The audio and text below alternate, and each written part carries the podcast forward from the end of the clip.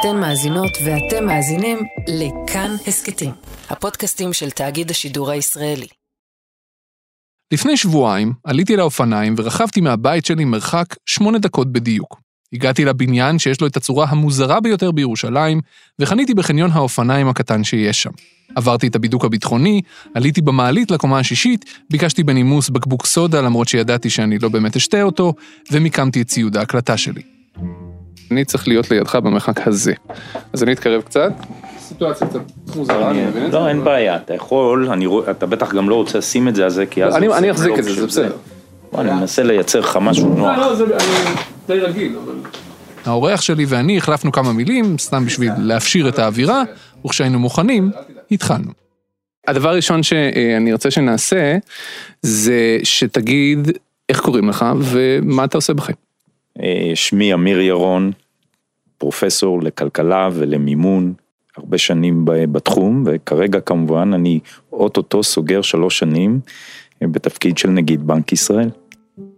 תגיד, בסולם של 1 עד 10, עד כמה זה מסובך להיות נגיד בנק ישראל?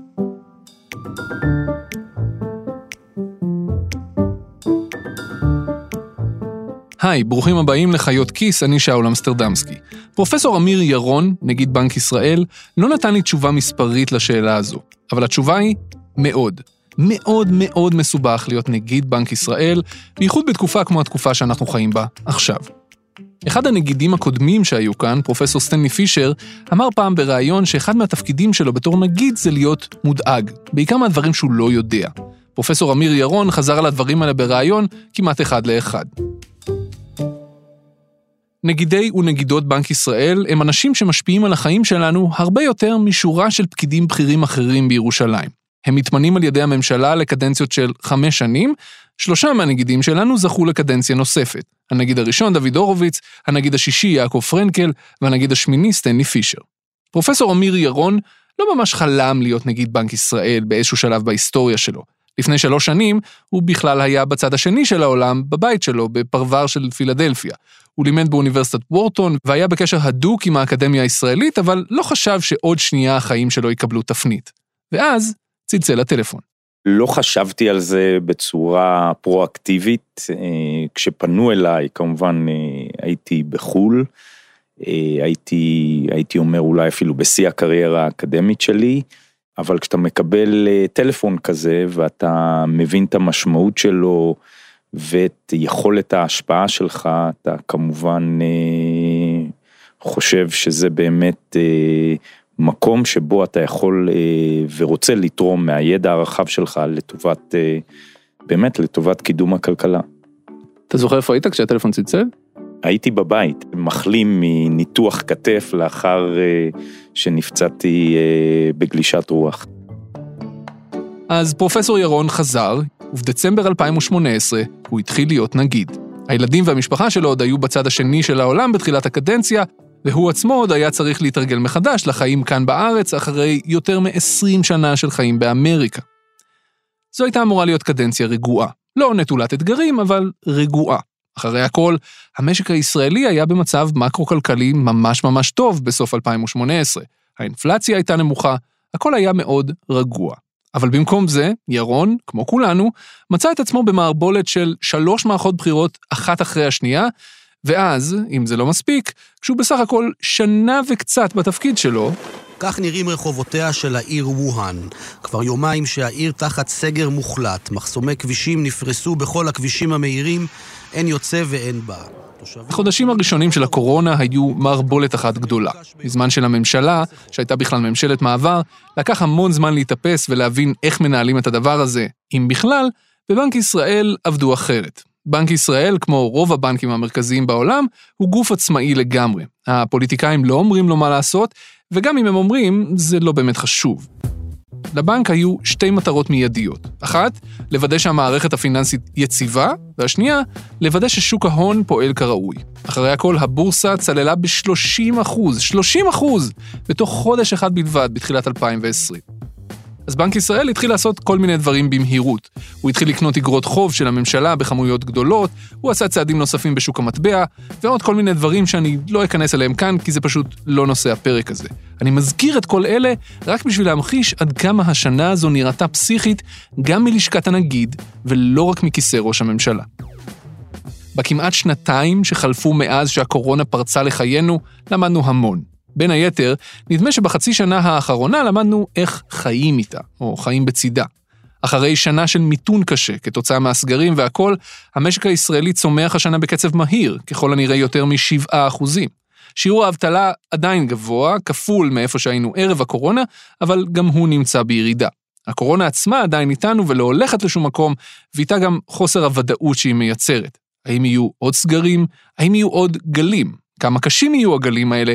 האם החיסונים מחזיקים מעמד לאורך זמן או לא? המון סימני שאלה שכולם משפיעים על הכלכלה באופן ישיר, כלומר משפיעים באופן ישיר על החיים שלנו.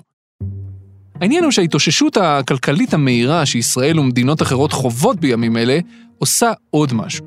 היא מעלה את המחירים כלפי מעלה. ואחרי עשור, שבו המחירים לא עלו כל כך מהר, פתאום דברים נראים אחרת.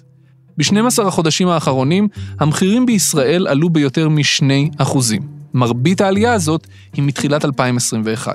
ולכן, מבחינת בנק ישראל והעומד בראשו, זו השאלה מספר אחת שמטרידה אותו בימים אלה יותר מכל שאלה אחרת. האם אנחנו עומדים בפני התפרצות מחודשת של אינפלציה או לא? והשאלה הזו מטרידה לא רק אותו, אלא את הנגידים של בנקים מרכזיים ברחבי העולם כולו, והיא צריכה להטריד מאוד גם אותנו. אז השבוע בחיות כיס, האם אנחנו עומדים בפני גל חדש של אינפלציה, כלומר גל של עליות מחירים עקביות ומתמשכות, למה זה כל כך חשוב בכלל, ואיך כל זה נראה מהעיניים של האיש שאמור להילחם באינפלציה כשהיא באה.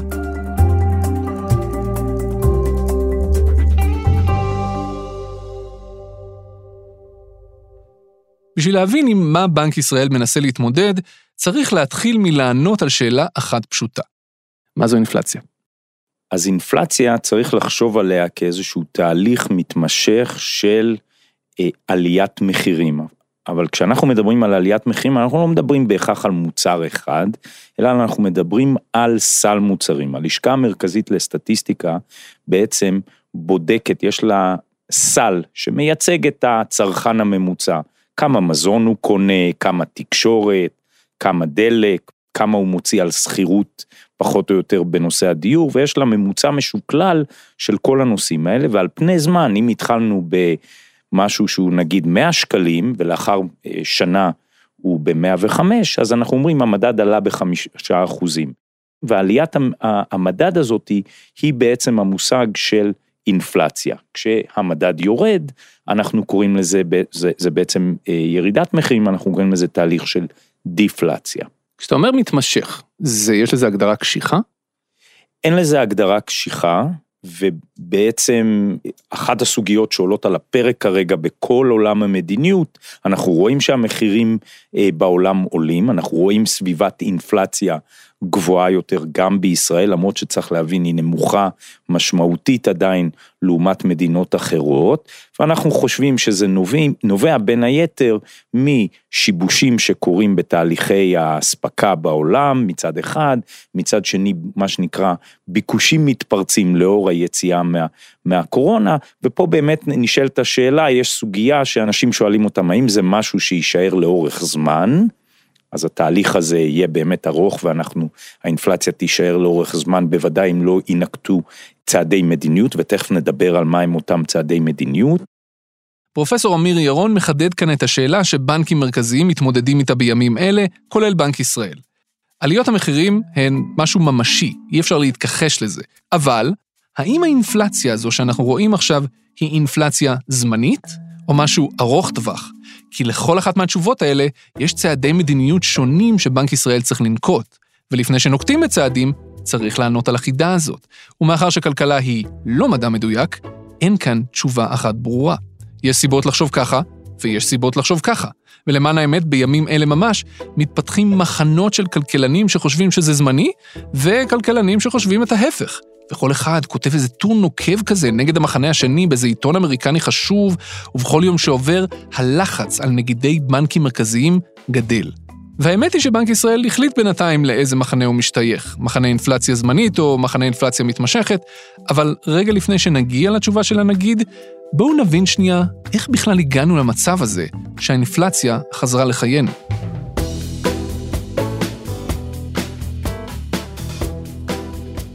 אינפלציה מוגדרת בתור עלייה עקבית ומתמשכת ברמת המחירים, וכאן בעצם הניואנס הכי חשוב שצריך לזכור בהקשר הזה.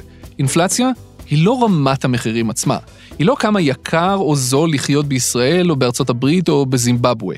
יכולה להיות מדינה כמו ישראל, שהיא מדינה שיקר לחיות בה יחסית, אבל שקצב עליית המחירים בה הוא איטי. כלומר, יקר יקר, אבל מתייקר לאט.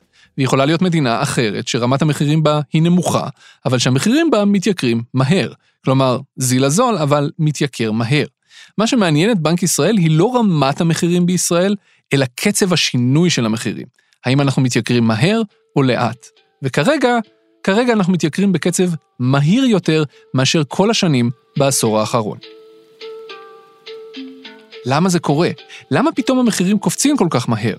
אז זה קורה מכל מיני סיבות שקשורות להתאוששות הכלכלית, ובפרט לצורה המאוד ספציפית של ההתאוששות הכלכלית מהשנה הקודמת. כשהקורונה רק התחילה, כולנו התיישבנו בבית והתחלנו לחסוך כסף. מי בכוונה ומי משום שלא ממש היה על מה להוציא את הכסף הזה, כי הכל היה סגור.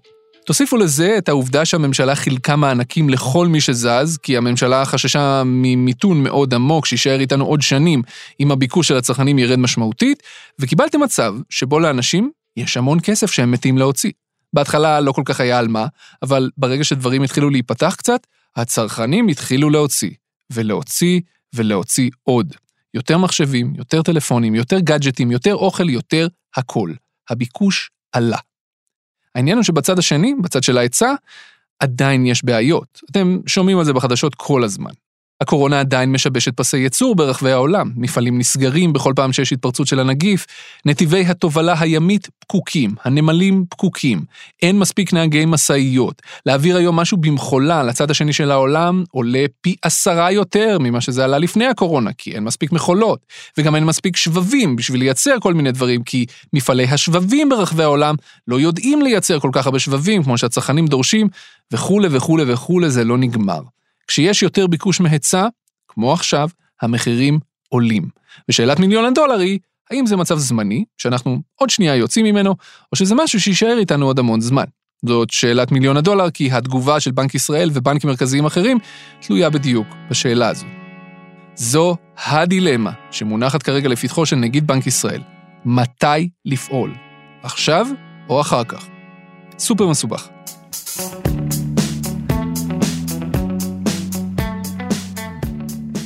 למה זה מעניין את בנק ישראל? אז קודם כל צריך להבין, יש פה היסטוריה. דווקא לחלקכם הצעירים שבכם, ואני מבין, שאול, שלפודקאסט שלך מקשיבים אה, מכל הגילים, אז חלקכם בוודאי לא זוכר, אבל ישראל היא בעצם מעבדה. הייתה לה אינפלציה מאוד גבוהה בשנות ה-80. רובכם הצעירים רגילים שיש פה רמת מחירים אולי גבוהה, אבל יצ... אינפלציה מאוד, אה, יחסית מאוד נמוכה. אה, לעומת זה, בשנות ה-80 הייתה פה אינפלציה, היפר אינפלציה, של כמעט כ-500 אחוזים בשנת 83 ו-84. על פי הערכות כלכלנים בוועדת הכספים, יעלה מדד מרס ב-12 אחוזים ויותר. מדד אפריל יהיה אף הוא גבוה. עם יתממשו תחזיות אלו, יחזור קצב האינפלציה בישראל ל-300 עד 400 אחוזים. איך אומרים, העסקה... אנשים רצים קודם כל לשמור על הכסף שלהם, במקום להיות בעבודה הם קונים דולרים או זהב וכיוצא בזה. וזה כמובן רק מעלה עוד יותר את המחירים. אה, כמובן מיד יש דרישות שכר וזה גורם לסיבוב נוסף. התאמת המחירים, אתה נכנס לסופר, עד שאתה יוצא כבר המחיר עלול להיות שונה, כן? אה, ההתעסקות הזאת היא אי הוודאות של מה שקורה, אי יכולת לתכנן כראוי, זה משבש את הפעילות הכלכלית. עכשיו לא צריך להגיע להיפר אינפלציה, גם אינפלציה של עשרה אחוז היא אינפלציה לא רצויה, זהו גם תהליך שבעיקר שוחק את השכבות החלשות. כי השכבות החזקות יותר, יש להם אמצעים להגן על עצמם יותר, יש להם נכסים, הם יכולים להשקיע בנכסים כמו זהב, או במטבעות אחרות, אה, יחסית אה, ההון שלהם הולך פחות על מזון ועל מוצרים בסיסיים שמופיעים באותו סל אה, שעליו דיברתי. בן כמה היית אז? מה, מה, מה אתה זוכר מזה, באופן אישי? אני אז הייתי קצין בצבא, הייתי ביועץ הכספי לרמטכ"ל, אה, ואני זוכר את ההתאמות התקציביות האינסופיות שהיינו צריכים לעשות. כל הזמן אה, היו שינויים בתוך הסעיפים. אני זוכר במרומם שהממשלה עברה להתנהל בדולרים בשביל הזה, נכון? צריך להבין, כשהאינפלציה עולה ואתה, נחזור לדבר הכי בסיסי, אם במאה שקלים קנית, קנית איזשהו מוצר וחודש לאחר מכן אתה צריך לשלם עליו 120, אז בעצם השקלים שלך לא משיגים את אותו הדבר. ולכן כדי לשמור על הערך של השקלים שלך, אז אתה משקיע אותו במשהו, בנכס, לפעמים זה דולר, שאתה חושב שישמר על אותו ערך, ולכן היה קשר מאוד מאוד הדוק. האזרח הרגיל כל הזמן היה צמוד לטלוויזיות, ומהו הערך של הדולר, ובין היתר, כדי באמת לשמ... לנסות לשמר על הערך הריאלי אה, של כספו, וזה בדיוק אחת הסיבות שאנחנו רוצים יציבות מחירים. אז מה זו בכלל יציבות מחירים? ב-2010 הכנסת חוקקה את חוק בנק ישראל שמגדיר לבנק שלוש מטרות. הראשונה שבהן היא שמירה על יציבות מחירים לפי היעד שהממשלה קובעת. והיעד שהממשלה קבעה היא אינפלציה שנתית נמוכה בשיעור של בין אחוז אחד לשלושה. לא אפס, בין אחוז לשלושה. מה שאומר שלפחות בינתיים אנחנו בסדר, בדגש על בינתיים. במדינות אחרות אגב, כמו ארה"ב, היעד מוגדר אינפלציה שנתית של 2% בדיוק. אגב, למה שהיעד לא יהיה ירידת מחירים? מאבק ביוקר המחיה, לא טוב? אז למצב של ירידת מחירים קוראים דיפלציה. ובניגוד לאינטואיציה שלנו, איזה מגניב זה שהמחירים יורדים, אם זה מצב מתמשך ורוחבי, זה דווקא לא טוב. כי אם המחירים מתחילים לרדת באופן רוחבי, זה סימן שהמשק מאט. זה בדיוק מה שקרה כאן בשנה הראשונה של הקורונה. אם המחירים יורדים, אז הצרכנים אומרים לעצמם, אוקיי, מחר יהיה זול יותר, אז אני לא אקנה את זה עכשיו. אז הם לא קונים, ובכך הם מורידים את הביקוש, מה שאומר שבעלי העסקים נאלצים לקצץ שכר או לפטר עובדים, והמשק מאט במקום לצמוח. לא טוב.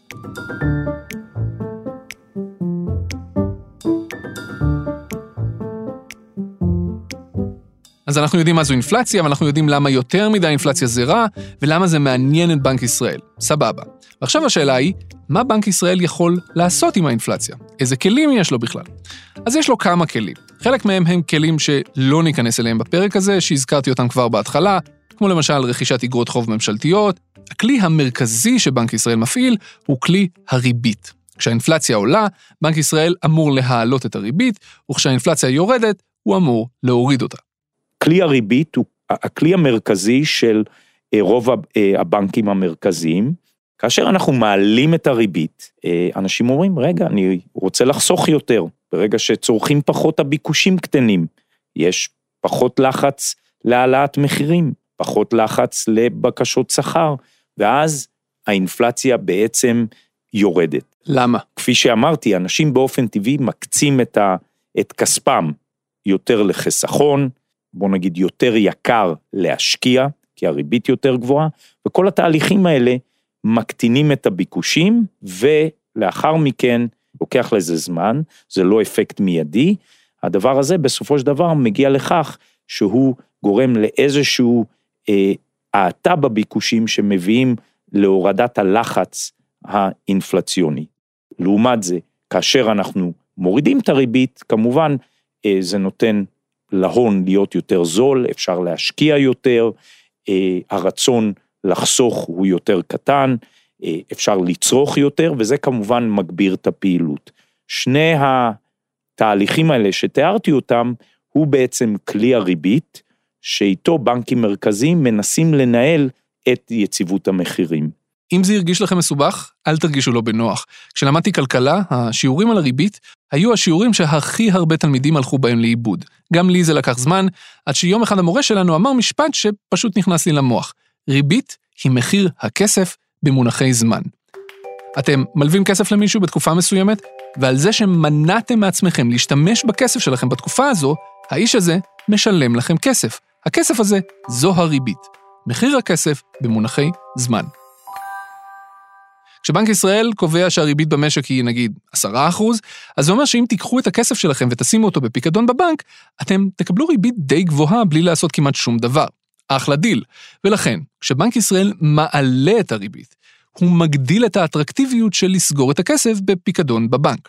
אם הרבה אנשים עושים את זה, הם מקטינים את הצריכה שלהם, כי הם סגרו יותר כסף בצד ועכשיו יש להם פחות כסף לצרוך, וכך הביקושים יורדים והמחירים אמורים להתייצב או לרדת.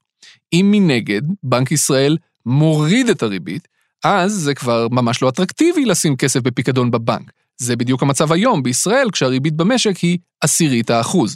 אם תשימו את הכסף בפיקדון, לא תקבלו כמעט כלום. אז במקום זה, אנשים צורכים, ואנשים משקיעים בבורסה, או לוקחים משכנתה או הלוואה, כי עכשיו זה סופר זול וקונים דירה. זה אמור להצמיח את הכלכלה. ולפעמים זה מצמיח אותה, ולפעמים זה מצמיח אותה קצת יותר מדי ומנפח בועות, כי מחיר הכסף ממש ממש זול. זה הקשר שבין ריבית לאינפלציה. לכן בימים אלה, כשהאינפלציה מרימה את הראש, בבנק ישראל מתלבטים מאוד, האם להעלות את הריבית או לא. אבל האמת היא שיש פה קאץ', כי שמתם לב מה פרופסור אמיר ירון אמר? זה לא תהליך מיידי. אם זה היה תהליך מיידי, זה היה הרבה יותר קל. בנק ישראל היה יכול להעלות את הריבית, לבדוק אם למחרת או אחרי יומיים המחירים הפסיקו לעלות, ואז להסיק מסקנות. רק שזה לא עובד ככה.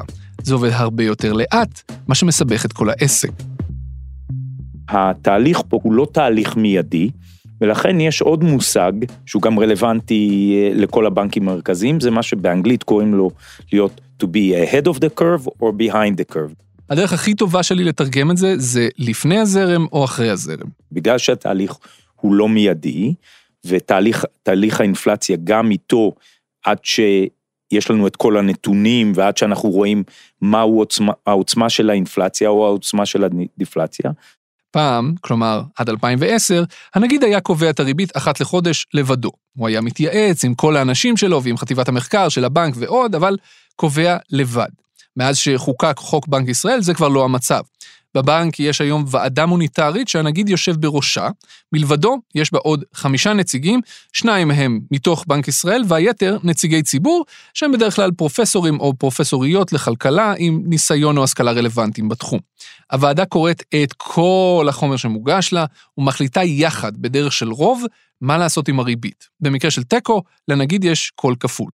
אנחנו נפגשים אחת לשבוע באופן נורמלי, לפעמים נפגשים אפילו לעיתים קרובות יותר, כמו באירועי הקורונה, ובשעות אה, לפעמים אה, לא סטנדרטיות, אבל בזמנים נורמליים אנחנו נפגשים אחת לשבוע, ואנחנו כל הזמן עם יד על הדופק על מה קורה במשק וההתפתחויות הכלכליות בישראל ובעולם, כדי אה, באמת להעריך נכונה מתי ואם נכון לפעול עם כלי הריבית. וכאן אנחנו מגיעים לחלק האהוב עליי במיוחד, המקום הזה שבו הכלכלה פוגשת את הפסיכולוגיה והכל נהיה הרבה יותר מוזר. כי הוועדה המוניטרית היא לא מסתכלת רק על האינפלציה בפועל. בסוף, מה שמעניין אותה הוא לא מה קרה למדד של חודש אחד ספציפי, אלא המגמה. האם אנחנו בתוך סערה של עליית מחירים קבועה ומתמשכת, או שהעניינים הולכים להירגע. ובשביל זה צריך להסתכל קדימה ולנסות לחזות את העתיד. אבל, בכלכלה עצם ההתבוננות על העתיד, עצם הניסיון לחזות אותו, משפיע על התוצאה. הכי נוח לחשוב על זה בהקשר של שוק הדירות. אם אתם זוג צעיר שמתכנן לקנות דירה, אתם מסתכלים על המחירים וקולטים שהמחירים כל הזמן עולים, יכול להיות שבשלב מסוים תגידו לעצמכם, רגע, אנחנו חייבים לקנות את הדירה הזאת כבר עכשיו, כמה שיותר מהר, אפילו אם תכננו לעשות את זה במקור רק בעוד שנה, כי אם נעשה את זה רק בעוד שנה, אנחנו נפסיד כסף, כי המחירים יעלו. אז אתם מקדימים את הרכישה שלכם, וכמותכם עושים את זה עוד המון זוגות צעירים אחרים, וביחד אתם יוצרים ביקוש אדיר שבעצמו מעלה את המחירים. ציפיות יוצרות מציאות.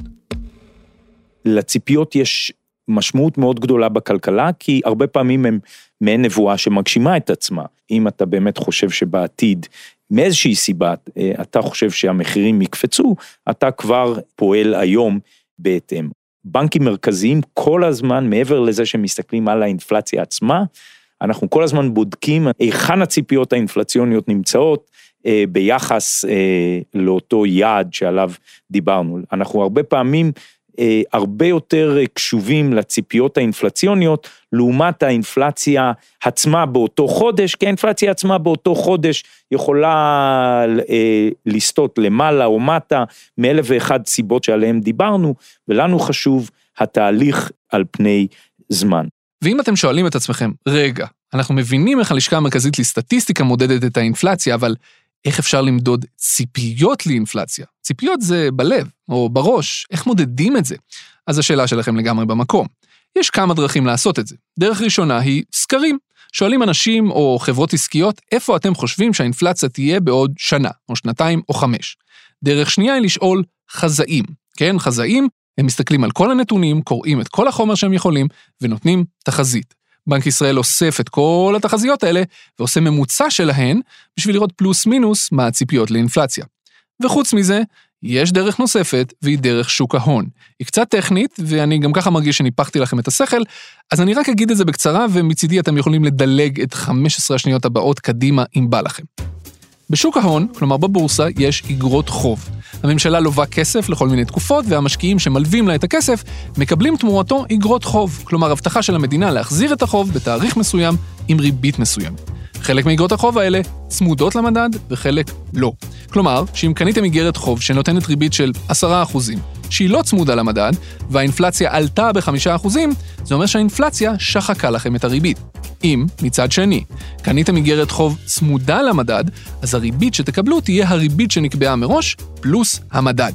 בשביל לחשב את הציפיות לאינפלציה דרך שוק ההון, לוקחים את הריבית על איגרות החוב הלא צמודות, ומחסרים את הריבית על איגרות החוב הכן צמודות, וכך מקבלים את הציפייה של שוק ההון לאינפלציה, בתוספת איזה מרכיב של פרמיית סיכון שבאמת לא ניכנס אליו כי כמה אפשר. מגניב? מגניב. לחובבי הז'אנר. בנק ישראל לוקח את כל השיטות האלה, בודק את כולן ומנסה להעריך איזו אינפלציה המשק חושב שאנחנו הולכים אליה. וכמו שהנגיד אמר בעצמו, לפעמים לציפיות האלה יש יותר חשיבות מאשר האינפלציה בפועל. כי אם המשק צופה אינפלציה מטורפת בשנה הקרובה, אבל האינפלציה בפועל היא לא כזאת מטורפת, ייתכן שבנק ישראל יצטרך לפעול בכל זאת, כי הציפיות ייצרו את האינפלציה מכוח עצמן. תוסיפו לזה אגב, שאם בנק ישראל יחליט כן להעלות את הריבית, המשמעות תהיה שהוא בעצם מודה שהוא חושב שהאינפלציה הזו היא דבר מתמשך, ועצם ההחלטה שלו עצמו עלולה להזין את הציפיות לאינפלציה עוד יותר. זה לגמרי פסיכי.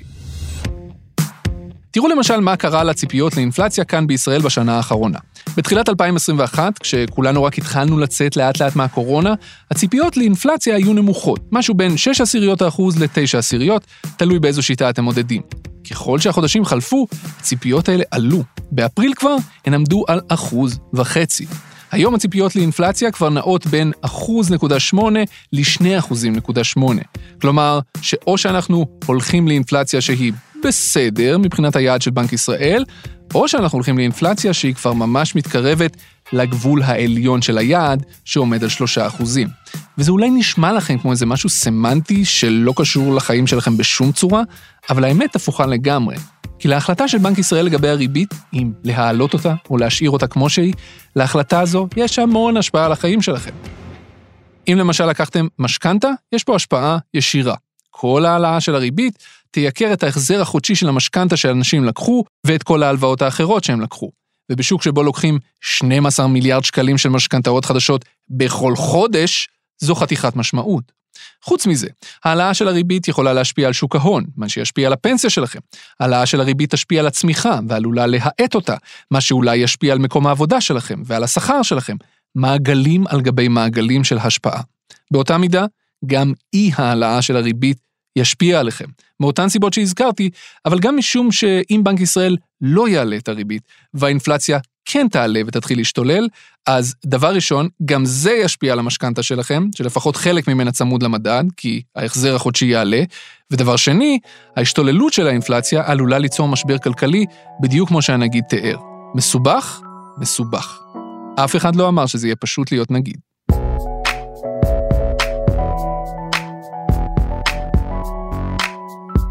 אז מה עושים עכשיו? האם האינפלציה היא זמנית או קבועה ומתמשכת? האם להעלות את הריבית או לא להעלות? בוא לא נשכח, אנחנו אוטוטו יצאנו מהגל הרביעי, יצאנו יפה, אבל גם פה אה, יש אה, חשיבות לאפשר למשק הישראלי למצות את מיטב הפוטנציאל שלו לצאת מאירוע הקורונה, לצאת בתנופה המרכזית אה, שהוא יכול לעשות. ולכן אנחנו כל הזמן בודקים את עצמנו, איפה האינפלציה, איפה הפעילות, כדי שלא נייצר אה, כלים מרסנים אה, מוקדם מדי ונצליח, אה, נאפשר למשק לצאת בצורה הטובה ביותר באירוע הזה. מה שאני אוהב אצל נגידי בנק ישראל לדורותיהם זה שהם בוחרים את המילים שלהם בפינצטה, כי לכל מילה יש משמעות אדירה. שימו לב טוב למה אומר כאן נגיד בנק ישראל. אנחנו יוצאים עכשיו מהגל הרביעי, נראה כבר שאנחנו מתחילים להיכנס אולי לתוך גל חמישי. המשק צומח והכול, אבל אנחנו לא רוצים לעשות שום צעד פזיז מדי שיפגע בצמיחה הזו של המשק. או במילים אחרות, בבנק ישראל חוששים שאם הם יעלו את הריבית מוקדם מדי, בלי סיבה טובה באמת, הם יחנקו את המשק ולא יאפשרו לו למצות את הפוטנציאל הכלכלי שלו. ולכן, וזו כבר פרשנות שלי, הם מעדיפים לחכות ככל שהם יכולים. וחוץ מזה, הנגיד אומר, לנו, בניגוד למדינות אחרות, יש את היכולת להיות קצת יותר סבלניים, פשוט כי האינפלציה כאן היא עדיין נמוכה ביחס למדינות אחרות. האינפלציה בישראל כרגע היא 2.5 אחוזים, אני מעריך שעם המדדים הקרובים היא תעלה אפילו עוד טיפה לפני שהיא אה, תחל לרדת, אבל אנחנו עדיין בתוך היעד, לעומת מדינות כמו בוודאי ברזיל שנמצאים בשמונה, תשעה אחוזים, או אפילו מדינות כמו צ'כיה שנמצאים בארבעה ומשהו אחוזים. לנו יש את היכולת עדיין לראות לאן התהליך הזה הולך, האם אותה זמניות היא זמניות מאוד קצרה, או שהיא באמת קצת מתבססת יותר לאורך זמן, אה, ובהתאם לכך לפעול מבחינת הכלים שלנו, וכמו שאמרת, לתת לשוק להבין מה הציפיות שלו צריכות להיות, גם ביחס לאינפלציה וגם ביחס לפעילות שלנו כבנק מרכזי. בשביל לסבר לכם את האוזן, מדינות רבות סובלות עכשיו מאינפלציה. הנה כמה דוגמאות נוסף על מה שהנגיד אמר. בטורקיה, האינפלציה ב-12 החודשים האחרונים חצתה כבר את ה-20%, בארגנטינה, את ה-50%. זה אזורים מאוד לא טובים. במדינות אחרות זה טיפה רגוע יותר ועדיין גבוה. 4.5% בגרמניה, כמעט 5.5% בספרד, כמעט 6.5% בארצות הברית. ארצות הברית, מאז תחילת שנות ה-90 לא נראתה שם אינפלציה כזו, וזה מטריד מאוד את כל מקבלי ההחלטות שם. בארצות הברית בימים אלה, האינפלציה היא אחד הנושאים הכי מדוברים בעיתונות הכלכלית ובכלל. הפד האמריקני, כלומר הבנק המרכזי של הברית, מנסה למשוך ככל שהוא יכול את ההחלטה להעלות את הריבית, בדיוק מהסיבות שנגיד בנק ישראל מנסה. הם לא רוצים לפגוע לחינם בהתאוששות הכלכלית מהקורונה, אם האינפלציה היא רק דבר זמני, שיחלוף ברגע ששרשראות האספקה יתייצבו והכל יהיה בסדר.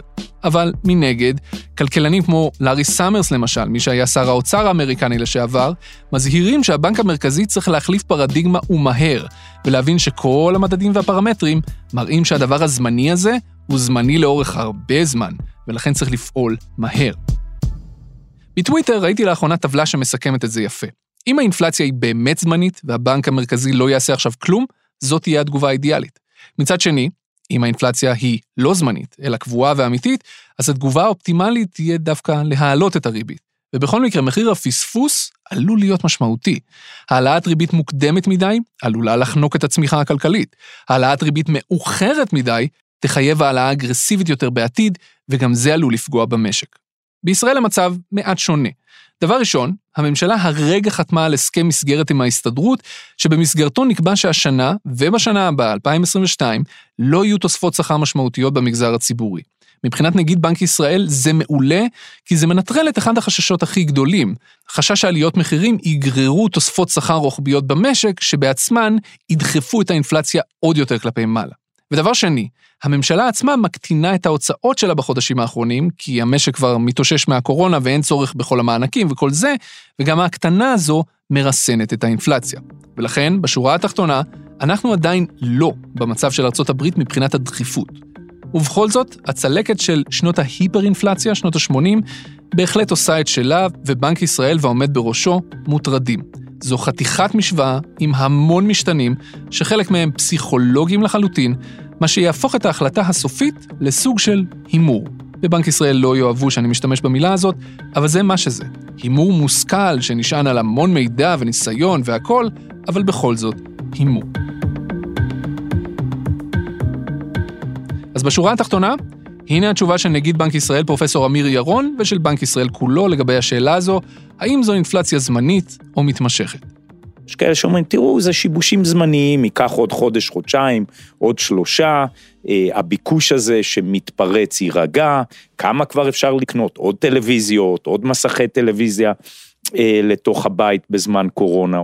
והביקושים האלה יתמתנו, איתם גם השיבושים באספקה, ואנחנו נחזור חזרה לרמות של אינפלציה שהן יותר רגילות. כרגע אנחנו מעריכים אה, שבאמת רוב הגורמים הם אכן זמניים, הזמניות תהיה יותר ארוכה ממה שחשבו בתחילה, כמו חודש-חודשיים, להערכתנו זה יגיע לתוך הרבעון הראשון, אבל לאחר הרבעון הראשון אנחנו נראה את דעיכה של האינפלציה. איך אתם יכולים לדעת? בסוף, אני טיפה אחדד את השאלה. אתה יודע, בתעשיית הצ'יפים מדברים על 2023. אה, דיברתי עם בן אדם שהוא בתחום המכולות, הוא אומר, איפה, לייצר מפעל שעושה לי מספיק מכולות זה שנתיים, הם לא מבינים בכלל מה מדברים. איך אתם יודעים בכלל את כל מה שאתם לא יודעים לגבי הדברים האלה? קודם כל, שאלה מצוינת. ובכלל בכלכלה, אם כבר אנחנו מדברים, יש מושג של סיכון או ריסק, שבו אתה יודע שזה יכול להיות שמש או, יכול, או גשם, ובהסתברויות שונות, לעומת מצב שאתה בכלל לא יודע מה, מה עלול להיות, unknown unknowns. ואנחנו אה, למעשה צריכים אה, להתמודד עם שתי השאלות האלה, ובטח ביציאה מאירוע שכמו קורונה, שבאמת, זה לא משהו שאתה יכול ללמוד אותו מהספרים. אז קודם כל צריך אה, לומר בצניעות, ואנחנו לא יודעים את הכל, אה, ולכן אני גם אני אומר, אנחנו עם יד על הדופק, אנחנו כל הזמן מנסים לבדוק את עצמנו, אנחנו כל הזמן גם, אה, אני בשיחות עם נגידים מכל העולם כל הזמן, כדי לבדוק גם מה קורה שם, ולהבין את התובנות שלהם. עדיין, יש פה הערכות של, לדוגמה, אנחנו רואים את מחירי האנרגיה, שעלו מאוד באירופה, והנה כבר חלקם ירדו בעקבות הצעדים שפוטין אה, הכריז עליהם. זה נכון שאי אפשר, מפעלים וחלק מהתהליכים ייקח להם זמן, אבל עדיין אנחנו מדברים, תזכור שאנחנו מדברים לא על הרמה, אלא המשך עליית המחירים. ולכן אנחנו חושבים שתהיה פה התמתנות של עליית המחירים. אנחנו לא מדברים שבהכרח רמת המחירים כולה תרד, אלא האינפלציה תתייצב יותר ב, לכיוון מרכז היעד, או אפילו אה, טיפה אה, מתחת אליו. אבל כמות ה-unknown unknowns היא בהחלט מאוד אה, גדולה, ויש שיח אה, אה, מאוד עמוק, מה יקרה ביום שלאחר הקורונה. דיברנו על, על זה שהמשק הישראלי, בשנים האחרונות האינפלציה בו הייתה יחסית נמוכה. חלק מזה זה נבע שהמשק הישראלי נפתח יותר, היו השפעות גלובליות, רכישות אה, באינטרנט אה, שמביאות לתחרות ומחירים אה, יותר זולים, אבל מדברים על כך שבעקבות הקורונה יכול להיות שחלק מהתהליכים תהליכי הגלובליזציה הזאת לא יהיו חזקים כמו שהם היו בעבר.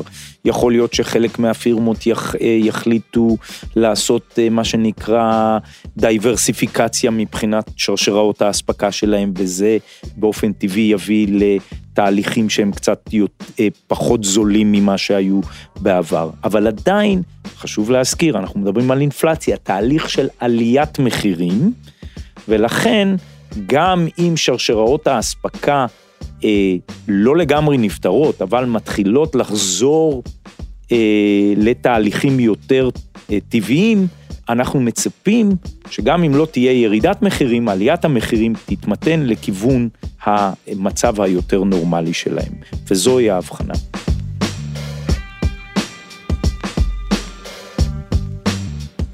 שבוע אחרי השיחה שלי עם הנגיד על האינפלציה, הלשכה המרכזית לסטטיסטיקה פרסמה את מדד חודש אוקטובר.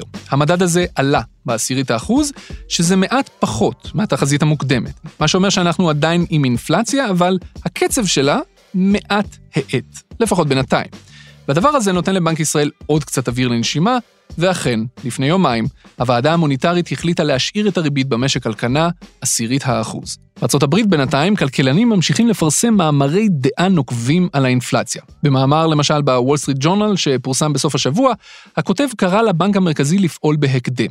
הוא סיים את המאמר שלו בכך שאינפלציה גבוהה מדי היא זו שהעלתה לשלטון את ניקסון בסוף שנות ה-60, ובהמשך את רייגן בשנות ה-80, והיא עלולה להחזיר לשלטון את דונלד טראמפ.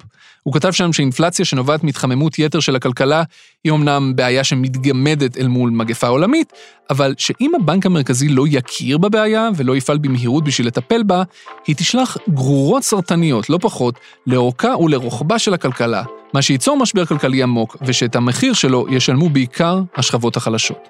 דרמטי, אני יודע, אבל בסוף זו בדיוק הדילמה.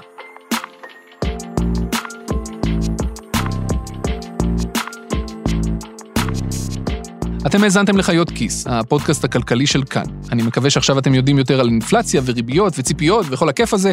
אם יש לכם שאלות או מחשבות בעקבות הפרק הזה, אתם מוזמנים לכתוב בקבוצת הפייסבוק שלנו או לחפש אותי בטוויטר.